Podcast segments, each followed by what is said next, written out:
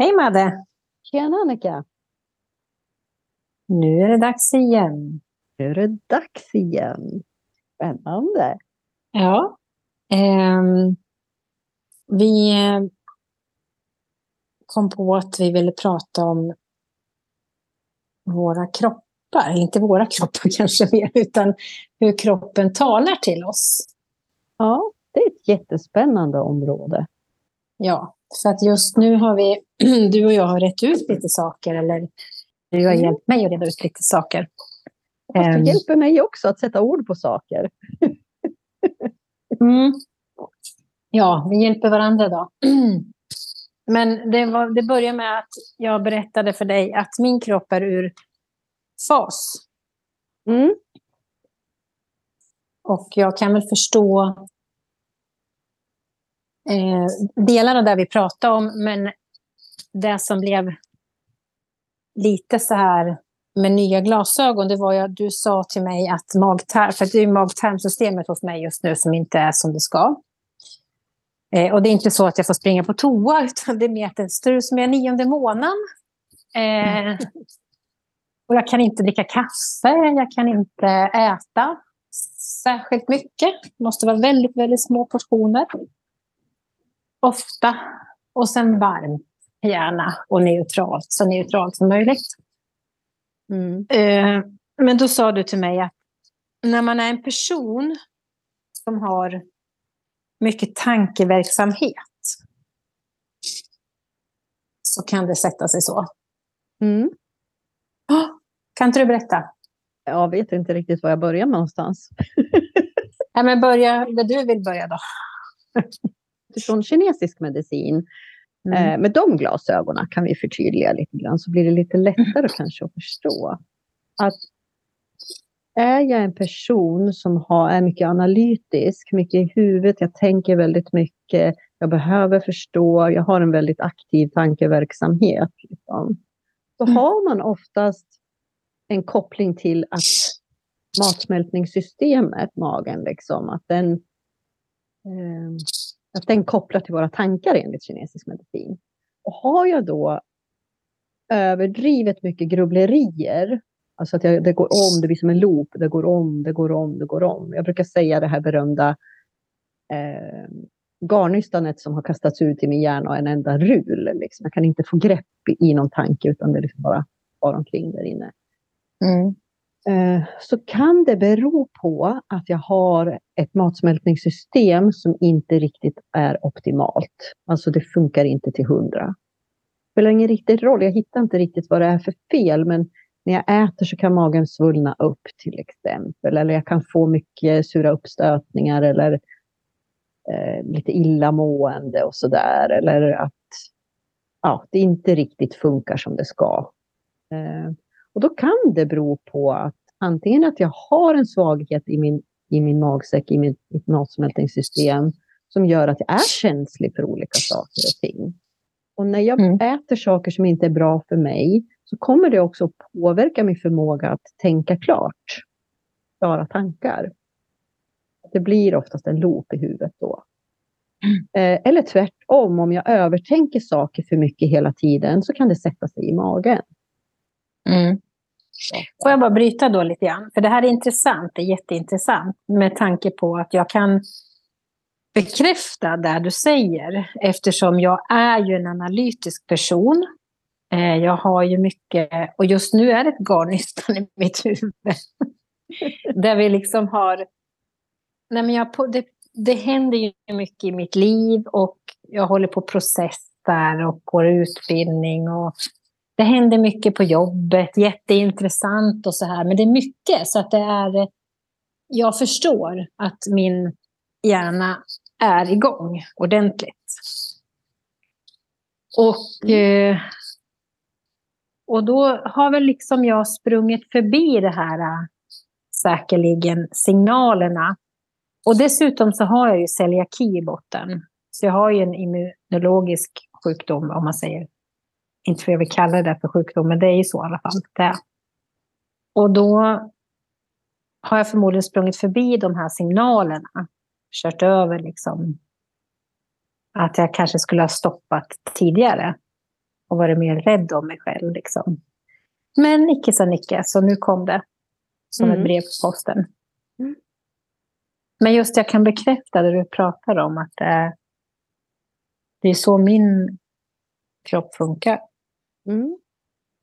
Ja, så man kan hit, sätta på sig lite olika glasögon och det är det jag brukar också känna. Vi pratar om, ja, men jag vill veta mer, jag vill förstå mer, jag vill lära mig mer och så vidare.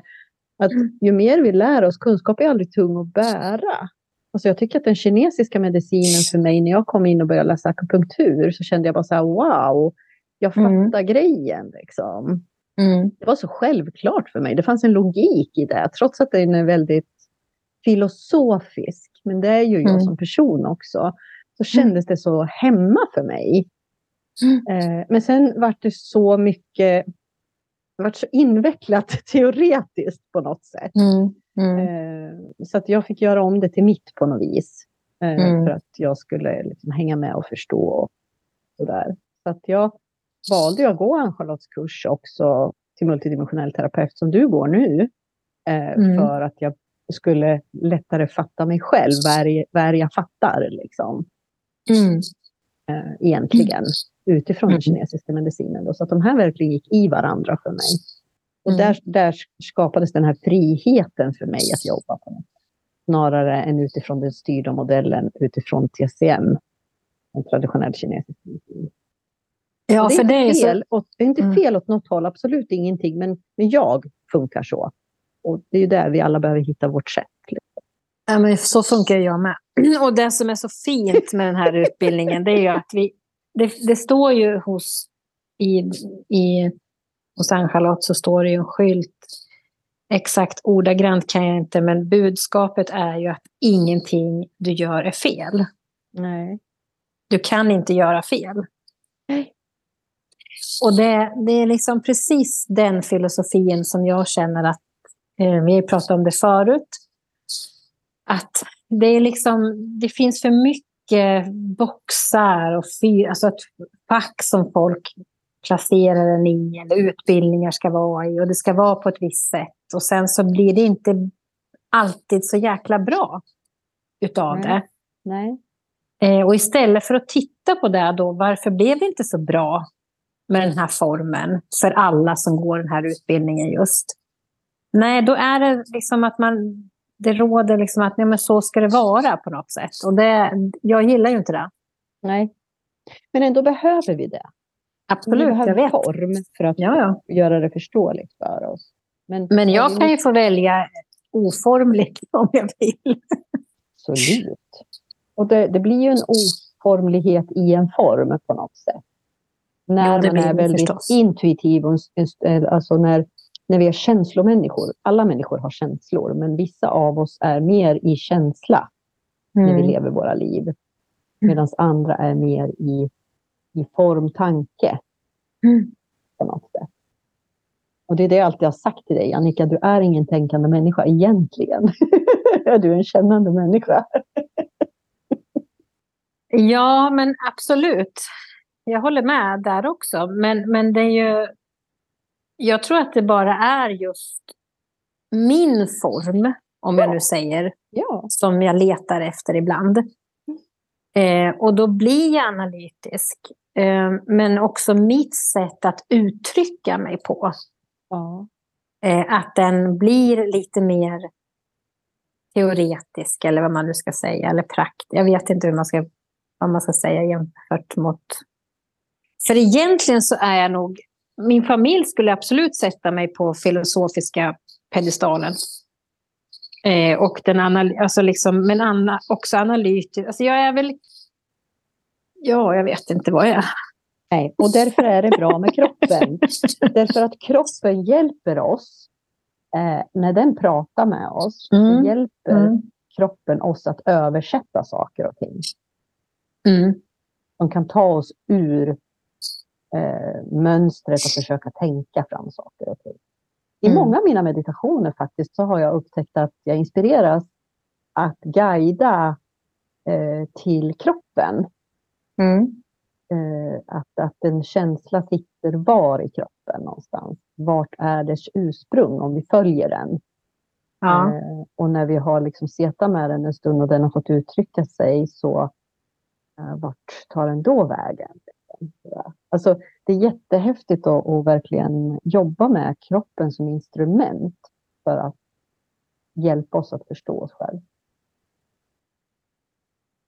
Mm. Spännande. Ja. Ja. Eh,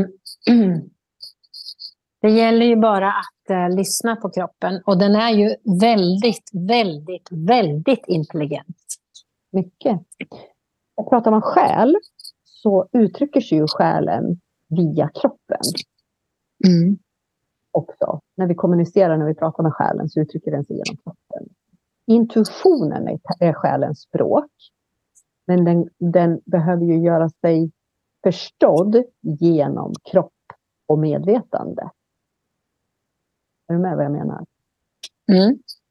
Mm. när, när man pratar om det här med, med att, att prata med sig själv eller liksom att förstå så där, hur kroppen kan tala till mig. Den kan ge mig, själen kan tala genom kroppen, den ger mig en inre bild i mitt huvud. Mm. Eller den ger mig en känsla av Mm. någonting. Men det behöver liksom ta sig ut i, i kroppen och i mitt medvetande. Och likadant tolkar vi omvärlden. Då är jag väldigt sensitiv och känslig och befinner mig på platser med mycket människor. Med mycket rörelse av människor. Så. Då suger jag åt mig allt det här som vi brukar säga. Man suger åt sig som en svamp av alltihop och så är man helt dränerad när man kommer hem. Om man inte är medveten om att det är så man funkar. Mm. Varför det har varit för mycket overload av intryck. Ja. Människors känslor, synintryck från massa olika saker, kanske på en stor butik. Hörselintryck, det har varit ljud, surr, många pratar. Alltså allt det här. Och, och det är lite grann ungefär som när man pratar med människor som har fått diagnoser inom autismspektrumet. Eh, att alla radiokanaler på högsta volym konstant Ja. kan inte stänga av dem. Utan får då en överbelastning. Utifrån och in. Det blir ett kaos. Mm. Det är ju det är väldigt intressant. När jag började, det här kan jag rekommendera alla, att verkligen börja lära känna sig själv och förstå sig själv på det sättet också, med kroppen som språk, då, eller vad man ska säga. Mm. För den är ju så tydlig. Det är bara det att, och den är, tror jag, lättast kanske egentligen, borde vara lättast att lära sig lyssna på. Men den är ju inte där, för folk lyssnar ju inte på kroppen. Men en, för man tar den för givet på något sätt, Mm. tror jag. Men när man gör det, till exempel det här med ljud och, och, och för mycket folk och så här, när jag förstod att när jag går in, jag, jag har sagt det här förut tror jag, men när jag går in på ICA Maxi eller ICA affär, stora affärer överhuvudtaget, så kunde jag uppleva att jag liksom blev fysiskt snurrig, så jag blev yrslig och nästan liksom tänkte, men gud, nu har jag blodsockerfall eller nu har jag blodtrycksfall eller vad är det som händer? Ja. Mm, Men jag förstod ju sen att det inte var det, utan, för jag var ju inte sjuk. Utan jag förstod ju att det var att jag inte hade dragit in min energi och skydd, alltså, var medveten om det. Så jag gick rakt in i fällan kan man säga. Ja. Men, nu för tiden, om jag har dagar som jag känner att jag har behov av att skydda mig själv lite mer, då går jag in i affären eh, med medvetet skydd. Ja. Och om att jag är själv. Och sen har jag alltid musik i öronen. Jag använder det jätte, jätte ofta. Musik. Mm. Jag stänger av mig så att jag är bara Ja. med mig själv. Pluppar i öronen. och jag brukar Ja, tänka exakt. på det. Nu är det många år sedan jag jobbade i Stockholm bara liksom sådär, och, och vistades väldigt mycket där. Och mycket tunnelbana hit och dit och kommunalt och sådär.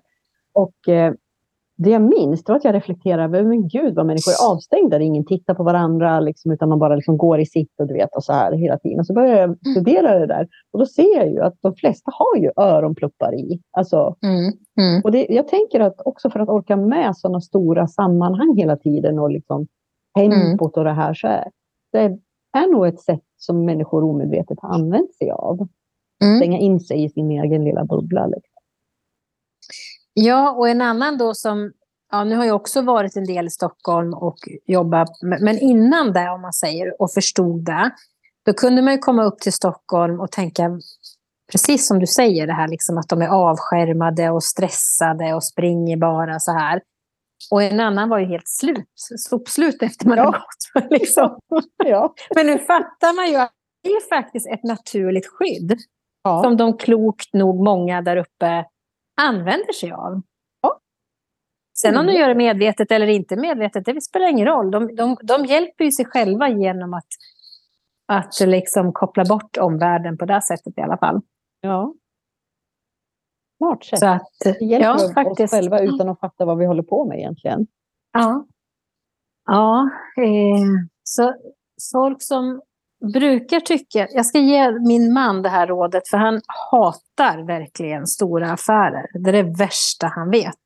Mm. Han blir ju nästan sjuk när han kliver in, innan han kliver in. Ja, men han innan... är så, också så här öppen liksom. Ja, visst. Men han förstår ju inte det alla gånger heller.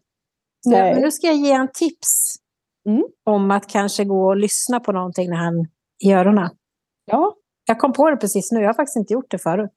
Nej. Jag har inte tänkt på det. Och det är för att han så sällan... Jag ber honom så sällan åka och handla. Ja. Eller följa med in i affär. Han, det är nästan aldrig han är med. Nej. För att jag vet att han, han mår dåligt. Mm. Ja, det är många människor som gör det. Mm. Jag tänker så här, jag kan lägga ut, faktiskt, jag skickar med en bild till det här avsnittet eh, utifrån kinesisk medicin. Eh, mm. som är som ett litet lexikon om man kan säga. Eh, mm. Som kan hjälpa oss ibland att förstå, förstå oss själv lite grann. Att, att kunna använda som ett litet uppslagsverk. Liksom. Mm. Tänker jag. Det är en jätteliten enkel bild, men den är, den mm. är smart. Mm. Gör det. Mm. Absolut. Om jag bara drar det så här. Eh, magen mm. och mjälten hör ihop i kinesisk medicin. Det ena är ett yin-organ, det andra är ett yang-organ. Yin som har att göra med essens, alltså eh, den är koncentrerad, om man säger. Och den andra är mera rörelse, yang. Sådär. Mm. Eh, och magen och mjälten, enligt kinesisk medicin, så kopplar den till sensommar, alltså när saker och ting mognar. Mm. Vi ska skörda. Färgen är gul Förstår du? Jag säger mm. gula människor tänker väldigt mycket. Mm. om vi pratar om det här. Gud. Ja, och är väldigt, väldigt, hör till väldigt känslan mycket. eller grubblerier väldigt mm. mycket. Det, den eh, kroppsöppningen, om man säger som den kopplar till, är munnen. Tungan. Mm. Och ibland om man har mycket liksom, så besvär med svullen tunga eller tungan känns sårig eller liksom öm eller liksom sådär, så hör det ihop med samma område. Om man säger. Ja, men det kan jag stryka under. Mm. Den som kopplar dit är sött. Och då tänker jag på alla våra sötsug och sockerberoenden och sådär. Då indikerar det att vi har någon form av obalans i magen, mjälten. Är inte det här ganska fantastiskt? Jo. Det är så intelligent. Och jag menar, kinesisk medicin har funnits i många tusentals år. Mm. Och de har ju ansett som ja, men liksom en av världens friskaste människor, kan man väl säga. Generellt mm. sett. I alla fall fram till nyligen. Mm. Nu kanske de är påverkade av västvärlden så mycket. Ja. Och jag, bara, jag måste bara nämna en till och det är njurarna. Mm. Eh, som mm. är vår livsessensbord. Där. Eh, jag har liksom en yin och en yang-njure kan man säga. Eftersom de är två mm. par. Och de mm. eh, hör ihop. Det är yang-organen, eller yin-organen, och yang-organet är urinblåsan. Mm. Eh, och de kopplar till årstiden vinter. Så vi är inne alltså där nu. Mm. Vi behöver vara rädda om oss och se till att vi är varm över ländryggen. Så att vi håller liksom värmen i våra mm. Färgen är svart så om du tittar på en människa, vad händer med människor under vinterhalvåret? Vi blir mörka under ögonen. Du kan så i ansiktet också se en obalans eller balans i vårt mående. Vi blir väldigt mörka under ögonen. Mm, just det. Eh, känslan som kopplar dit är rädsla. är jag i obalans i mina organ på något sätt, enligt kinesisk medicin, där jag mm. har en helt total frånvaro av rädsla, att mm. jag kastar mig ut i vad som helst, eh, så är det en obalans. Är jag överdrivet rädd för saker och ting, så är det en obalans. Mm. Säger det mig någonting om mig? Organet eller kroppsöppningen som de kopplar till är öronen. Vi kan alltså vid tinnitus till exempel förstå, mm. Aha, här kan det ligga en obalans någonstans. Vi behöver stärka, hjälpa kroppen att stärka sig eh, när det handlar om njurarna vid tinnitus. Om det inte nu är så att det är på grund av att jag har befunnit mig i väldigt bullriga miljöer. Mm. Smaken är salt. Så har jag stora cravings på salt, det betyder ju att det finns någon form av obalans. Eller mm. om jag skyr salt som pesten, är ju det också en indikation. Eller är jag neutral inför det? Ja, men då så. Så det finns så mycket vi kan liksom plocka eh, informationen. Mm. Och förstå. Alltså det här är ett jättespännande arbete. Man ska börja liksom och så har vi alla pulsar och så har vi tungan och så har vi liksom massa information vi kan samla ihop för att se, okej, okay, här behöver vi behandla den här personen. Ja, om man, ja precis. Om man går till en Ja, men är jag med mig själv eh, finns det ju mm. här också. Varför har jag sötsug hela tiden? Mm. Ja, men du har en liten obalans ligger här. Mm. Som gör att du hela tiden behöver. Mm. Spännande. Jag lägger upp bilden. Ja, men kan, gör det. det blir jättebra. Alla får ta del mm. av den bara. Mm. Det är ett väldigt komplext. Jag menar, inte ens under en hel livstid skulle en människa kunna lära sig allt inom kinesisk medicin. Det är så otroligt komplext. Nej, men man har gjort men... det så här enkelt och schematiskt för att jag i min vardag ska kunna förstå. Eh, mm. Så, är, så är ju det väldigt hjälpsamt, tänker jag. Absolut. Och sen tror jag att när man börjar liksom och överhuvudtaget med sig själv och sin resa och lära känna sig själv på ett annat sätt och ut, alltså, så tror jag också att den här delen kommer att alltså, bli lättare. Allting som man läser och lär sig och förkovrar sig i och växer i blir ju lättare och lättare ju mer öppen man blir och förståelsen kommer och man kan sätta ihop saker och ting. Ja. Så... Vi pratar ju om kroppen som talar mm. till oss. Liksom. Mm. Så är ju det här ett jättespännande sätt att se på det. Mm. Som ländryggsproblem eller knäna till exempel. Jag har problem med mina knän och ländrygg och så vidare. Så är, hör ju det oftast till njurarna. Har jag levt många år i, i i traumatiska situationer där det har varit mycket rädsla inkopplat, ja men då har jag tagit väldigt mycket av kraften i mina njurar. Mm. Eh, som kanske skapat då liksom problem i min ländrygg och mina knän fysiskt så småningom. Om, mm. Under lång, lång tid. Mm.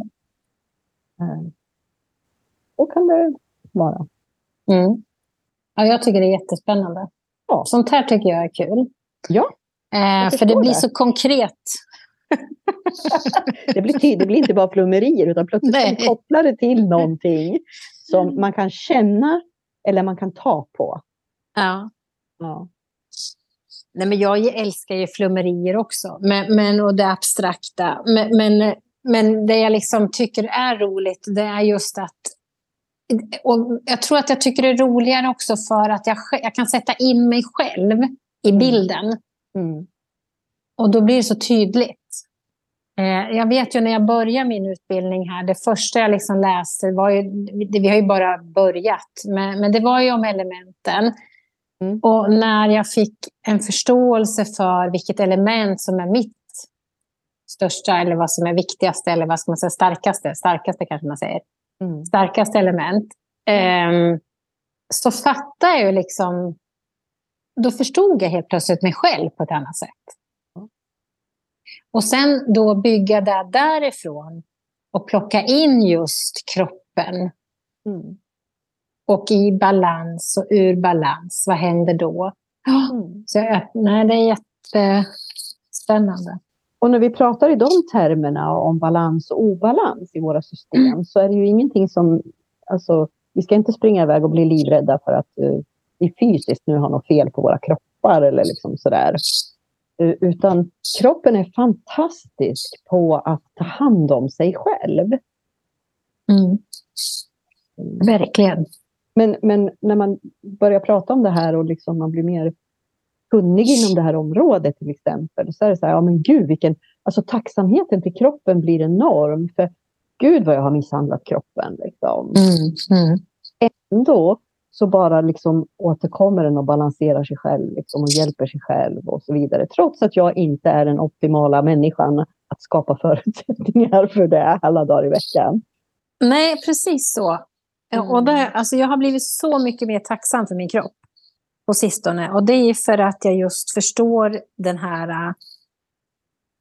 Mm, eller för att jag egentligen kan förknippa mig med den kinesiska, eller kines, kinesologin på det sättet, kinesiska medicin.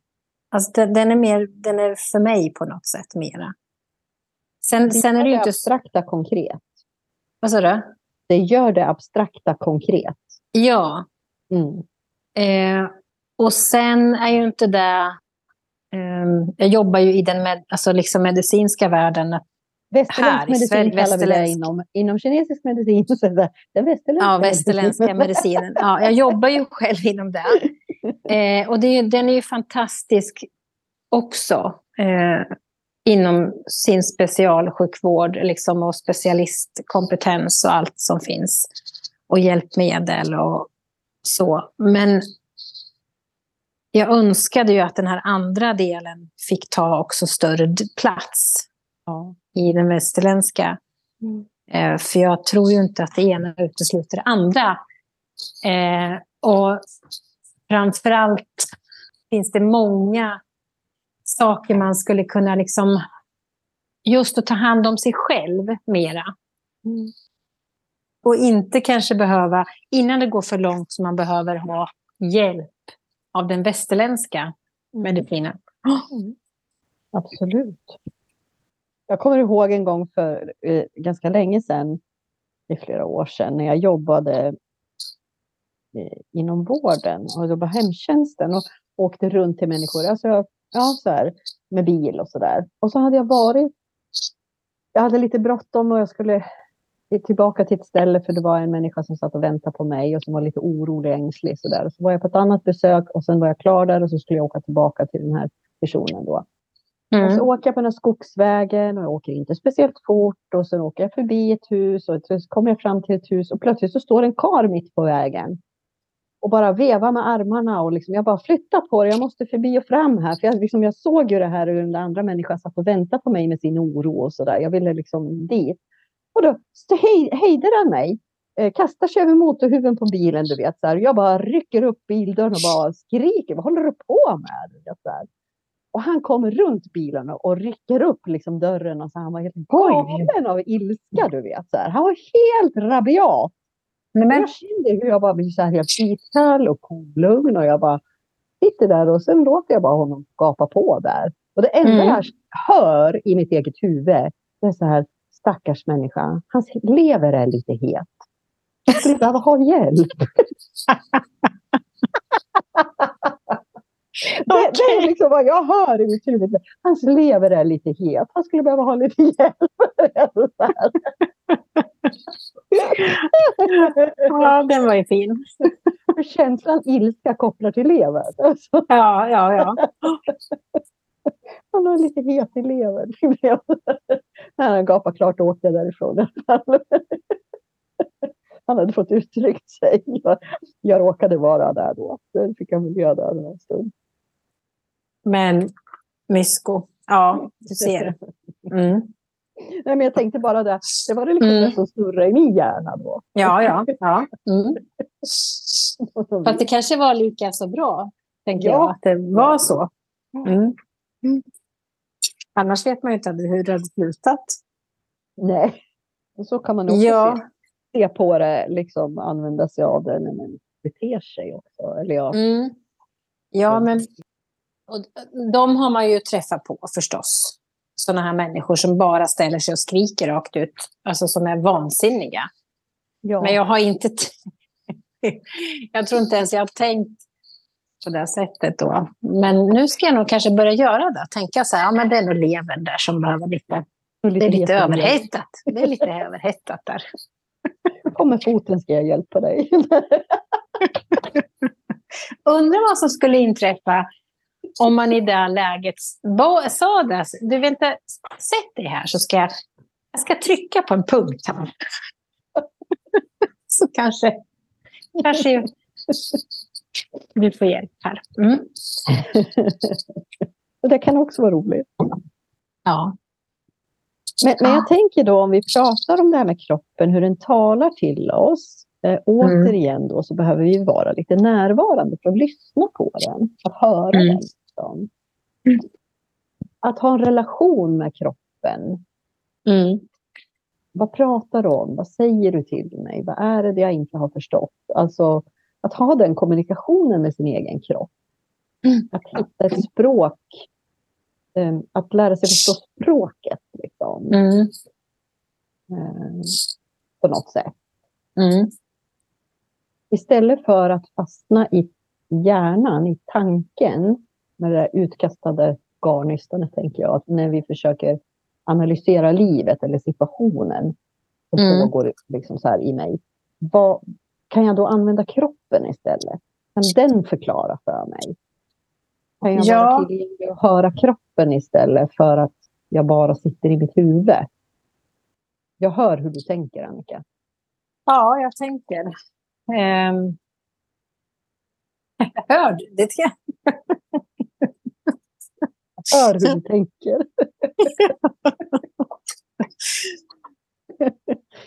Jo, men jag funderar på, för jag, kommer, jag tror att jag sa vid något tillfälle förut, jag vet inte, men då... Jag hade ju någonting som pågick i min kropp och som, som var liksom obehagligt. Eh, men då frågade jag mig själv, jag frågade ju liksom, är det här mitt? Eh, och var sitter det liksom?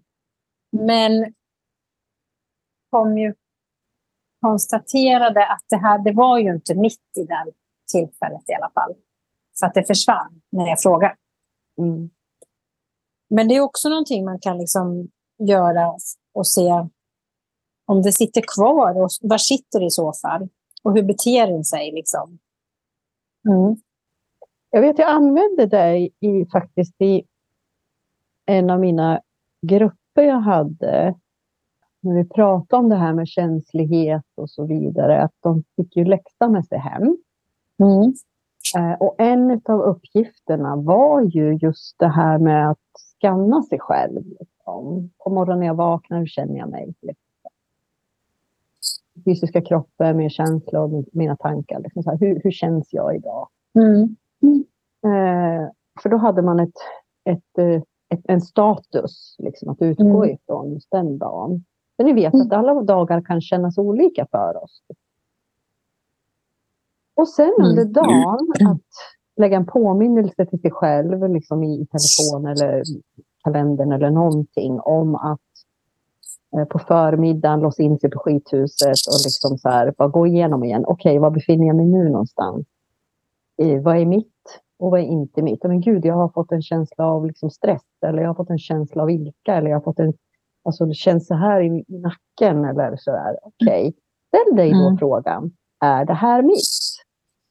Mm. Kroppen kommer svara omedelbart. För är det inte ditt, då kommer det avta. Mm. Så, och så tvättar vi bara händerna så. Och så är vi tillbaka igen. Och sen. Mm. Och så gör man om det här några gånger. Det, det är att vara självmedveten. Mm. Och lyssna på kroppen. Att bygga relation med kroppen att den uttrycker sig till mig. Då vet jag, är det jag eller är det min omgivning som påverkar mig? Mm. Och det är ett jättebra verktyg verkligen att använda sig av. Och till slut behöver man inte ens låsa in sig på skithuset, för då kan man bara liksom skicka tanken till sig själv. omedelbart så svarar man sig själv. och så kan man ha lite olika tics för sig. Liksom så här, Eh, att duscha är jättebra, men det kan man inte kanske göra hela dagarna. Sådär. Liksom neutralisera. Nej, och så vidare. det Men skulle inte man kan vara så tvätta friskt. händerna. Eller Mm. jag brukar liksom bara... Förr i världen så kunde jag liksom bara eh, vad säger man, stryka mig på armarna. Alltså Mm. lite så här, bara skaka av mig. Liksom sådär. Eller hä- stryka händerna mot varandra. Eller någonting som liksom bara... Så, nu, nu är jag Mm. klar. Nu, nu Mm. är jag med mig bara. Liksom. Mm. Ingen, ingenting annat som är här innanför som inte tillhör mig. Så, klart. Så att vi kan behöva något form av fysiskt konkret verktyg för att ja, Ja, men som man talar om för sig själv, liksom någonting. Man signalerar med den formen, att liksom att nu, Ja. nu är det klart. är det klart, eller nu befinner jag mig här. Eller, ja. Mm.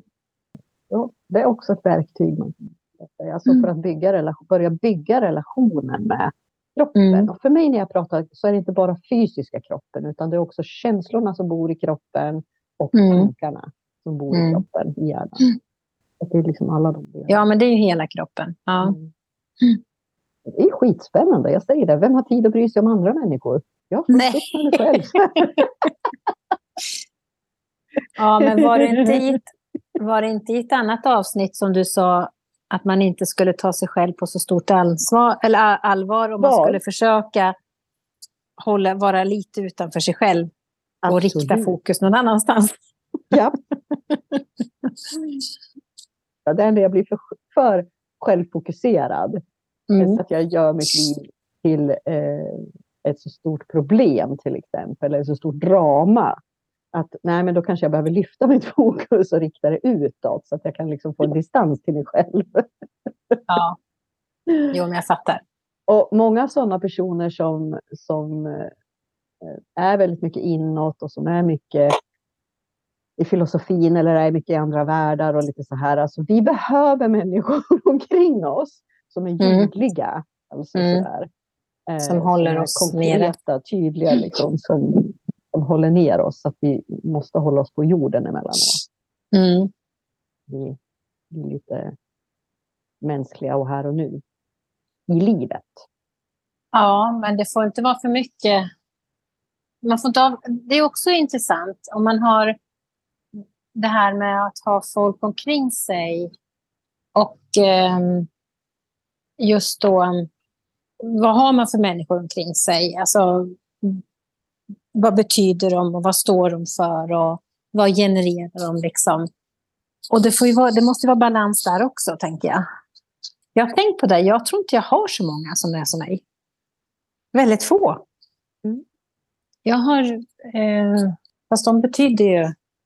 Eller det beror ju på vad du menar förresten. Alltså vad, eh, vad du menar med människor som, som oss. Eller som dig. Eller... Nej, men alltså, jag har ju en tendens att kunna lyfta från den här världen och befinna mig på andra platser. Mm. Eh, I andra medvetandetillstånd till exempel, om jag ska försöka förklara det på det sättet då. Än i det här fysiska jordliga. Mm. För mig då, så eh, i min relation till exempel till min man, som är jordlig, eh, Mm. så, så kan jag ibland så här, han säger, ah, men ska vi åka och handla eller vad ska vi äta eller nu måste vi bygga om badrummet eller så här, du vet. Så bara, "Åh!" då kan jag bli så här, vad fan håll käften, vi åt ju för två timmar sedan. Nej, du får åka till affären, jag följer med, men jag sitter i bilen. Eller, jag kan nästan känna som att ibland att det blir som, som att han tränger sig på mig på något sätt. Och det gör han ju verkligen inte. Det är bara min upplevelse. För att han hjälper mig att hålla mig fysiskt på jorden. Liksom, med sådana här Mm. jordliga grejer. Liksom. Mm. Och samtidigt så hjälper ju jag honom att bredda sitt medvetande eh, på många sätt. Ja. Man kanske inte hade gjort om inte vi hade levt tillsammans. Vi kan inte alltid förstå varandra, men vi kan respektera varandra. Och vi kan förstå att varandra inte förstår alla gånger. Mm. Och Men- balans och obalans, när vi pratar Mm. om det. För att nå balans så måste vi uppleva obalans. För att det är i obalansen som Som utveckling du, sker. ja, som du händer. eftersträvar. Ja. Skulle vi vara i en ständig balans så skulle det inte hända så mycket. Nej, nej men så är det ju. Eh, Det har vi väl sagt förut, att vi måste ha svart, vi måste ha vitt, vi måste ha ljus, vi måste ha mörker, vi måste ha motsatsen. Ja. Ehm, Så är det ju. Men det jag tänker på, jag, jag, jag tänkte faktiskt på det där med i, i, tidigare idag om vad man har för människor omkring sig. Eh, jag har väldigt många människor som är... På, på ett sätt så är de snabba. Eh, de funderar inte så mycket mm. i tanken, som jag kanske gör. Mm. Och Det har jag tänkt på. Undrar varför jag har det. Impulsivitet. Mm. Ja, Fast... varför du har det? jag vet att i vår relation så är jag den som driver många gånger. och du i vår relation eh, stannar upp, bromsar in och vi reflekterar. Mm. stannar vi bara i reflekterandet kommer inget att hända. Nej. Eller stannar vi bara i, i farten, alltså Mm, ja, det låter ju konstigt. Men jag förstår vad du menar. Blir det liksom inte fördjupningen. Alltså, Nej. Nej. Så att egentligen, vi representerar ju två ytterligheter. Fast vi båda kan förstå varandra. För vi kan både vara djupa och reflekterande båda två. Och vi kan båda två vara framåtdrivande. Mm. Var och en för sig så har vi nog de olika delarna starkare. Mm. Jo, men jag tänker att det är det som är... Eh, jag är jätteglad för det. Eh, att jag har den möjligheten. Att ha sådana människor i mitt liv. Ja. För jag skulle nog eh, grubbla sönder mig själv ibland annars. Mm. Mm. Och jag är, men jag är så, det, det, som är så konstigt är ju att jag får inte ihop min bild av mig själv ibland eftersom jag är så jävla snabb i mycket annat. Men när jag ska liksom... När jag hamnar i ett läge där jag behöver ta reda på någonting, vare sig det är känslomässigt eller fysiskt eller tankemässigt eller liksom, ja, men vad som, på vilken nivå det än är. Där fastnar jag. Eller om jag ska liksom utvärdera min egen moral eller om jag ska säga rätt eller fel eller och det är inte alltid där heller, utan det är ibland. Så kan jag hamna liksom i... Nej men som, jag kan bara säga som häromdagen, ett, ett exempel bara för att få det exemplifierat. Um, jag gick på affären, jag var så jäkla hungrig, jag hade ätit typ en deciliter soppa under hela dagen.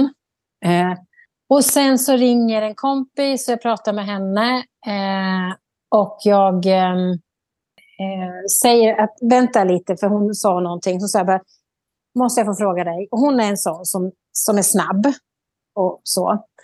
Så, så säger jag så här, men vad, hur skulle du göra? För nu är jag så jävla hungrig så jag känner att jag måste köpa nästan en kycklingklubba.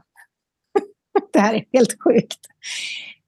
Ja, varför gör du inte det? Då, Nej, för att jag inte vill egentligen stödja kycklingsfabrikerna liksom, för allt hemskt. Ja, men då säger de så här, men den är ju redan död.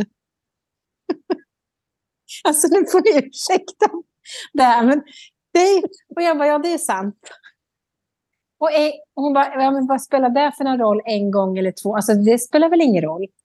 Köp den nu så du kan äta och inte svimma på affären. Ja, jag köpte den inte åt i affären, men liksom på vägen hem. För jag var så jäkla hungrig. Sådana saker. Jag kan ju fastna i sånt där. Mm. Eh, det är så himla dumma saker jag kan fastna i. För sen kan jag vara helt klar över massor med annat som jag bara vet och gör. Och då går det jäkligt fort. Men tror inte du att just en sån här grej, den var ju väldigt tydlig. Att mm. eh, när det handlar om, för du har ju en väldigt stark moralisk plattform som ibland sätter lite snubbelben på dig. Det är inte, jag säger inte att det är dåligt eller att det inte är bra och så vidare. Nej, nej. Olika starka, ja, ja. starka mm. moraliska plattformar att förhålla oss till. Att det blir som en liten inre konflikt i dig när det handlar om just etik och moralfrågor. Kan det vara där som det gör att du inte riktigt att du blir och stå i två läger liksom, med benen och svårt att... Att det där ja. fastnar. Att det ja, är mer- det är någonstans där jag fastnar. Precis. Och inte för övrigt i livet, utan mer just när det kommer till sådana här frågeställningar. Mm, ja, men det, det handlar om moral och det är plikt och sånt här. Alltså, det är samma som om jag är sjuk. Mm. Man kan ju vara sjuk på jättemånga olika sätt. Som, som jag sa vid något tillfälle, att jag menar, man kan vara hängig, man behöver inte ha feber. Men, och jag har ju alltid sagt till både mina barn och andra att var hemma och ta hand om dig själv. Men inte fan när det kommer till mig själv. Varför Nej, har du för- högre krav på dig än vad du har på din omgivning? Återigen. Ja, det kan vi ta en annan gång, men det vet jag inte. Och det är, där som, det är där jag hamnar hela tiden. Och, och det är likadant, alltså, men ibland behöver man vara hemma fast man inte kanske har feber eller vrålförkyld. Därför Mm. att bara man är dålig på något sätt. Ah, Och det är helt okej för mig, för jag dömer inte någon annan. Och jag värderar ju inte liksom någon annan heller. Så det är det som är så konstigt. Varför gör jag det med mig själv? Mm. Och det är då jag hamnar i de här lägena där jag har de här diskussionerna. Och så kan jag stå där i tio minuter i en affärjävel och fundera på, ska jag ta, nej, ska jag inte, nej. Alltså. Och då är jag så glad för att jag just har vänner som bara, nu gör du så här. Ja, säger jag. Och så gör jag så. jag tror att det är det som ställer till det för mig själv i många lägen. Men nu se, nu har du fått tag i någonting. Alltså nu har du identifierat någonting här. Mm. Mm. Och det är ju jättebra, för att då har du satt ljuset på det. Så då, då kommer det ju att hända grejer runt det här framöver. Ja, Mm. Och jag tänker att det här är nästan som ett helt annat... Ett, vi kan nästan ha ett helt avsnitt av, om just det här. Eh, Mm. När det handlar om vår förmåga att fatta beslut som är bra för mig. Var kommer de ifrån och så vidare. Och Mm. varför. Eh, Mm. För det är ett jättestort ämne och otroligt intressant. Ja, för det är så märkligt genom att jag vet, om jag utgår ifrån mig själv som en parameter, att det liksom... För när jag är till exempel på mitt jobb så är jag så himla klar och tydlig med vad jag tycker, vad jag vill och vad jag kan. Och vad jag, alltså, skydd, alltså det här med att liksom skydda en patient. Jag är advokat för patienten. Sen skiter jag fullständigt i då om andra tycker någonting annat, men jag vet att jag har rätt i det här läget. Då kan jag liksom vara snabb och gå på. Men sen i det här andra läget som där jag hamnar i det här dilemmat, till exempel med den där kycklingen där då. Då kan jag tappa Och du hade inte kunnat köpa en avokado heller, för hur vet vi att den var eh, fint omhändertagen och hade vuxit upp på ett bra ställe och så vidare? Nej, Nej, okej, vad ska jag äta då? då? Nej, alltså, du förstår hur... Ja, men jag det, kan känna igen mig i det här, för att jag har varit lite grann i det där träsket, måste jag säga. Men till slut bara orkar jag inte. Alltså, jag orkar bara inte. nej, jag vet. Man gör inte det. Och till slut så bara, nej men jag skiter i vilket, utan jag behöver bara fatta beslut. Nu bestämmer jag mig så, nu är det bra. Liksom. Ja. Och jag, börjar, jag börjar komma i sådana lägen ibland, för jag börjar känna att nej, det här är lite för jobbigt. Vet du vad som kopplar till beslutsfattande? Det är gallblåsan. Mhm. Vad innebär det då? Att det är obalans där? Då kan man ju välja att se på det, eller så kan man ju välja att se på det så här, jag undrar varför. Undrar varför. Mm. Mm. Ja, jag ska... Det här får vi forska vidare i. Ja, vi, det, det, Det var väl en- Jag har skrivit upp det nu så att vi, vi Ja. får ta upp det vid, vid, vid ett annat tillfälle. För nu känns det som att nu har vi nått vägs ände när det handlar om hur vi kan lyssna på kroppen och låta kroppen vara en del i våra liv. Eh, och Mm. Hur kroppen kan hjälpa oss att svara på frågor vi inte kan hitta genom våra tankar. Mm. Experiment Annika fortsätter. Absolut. Mm.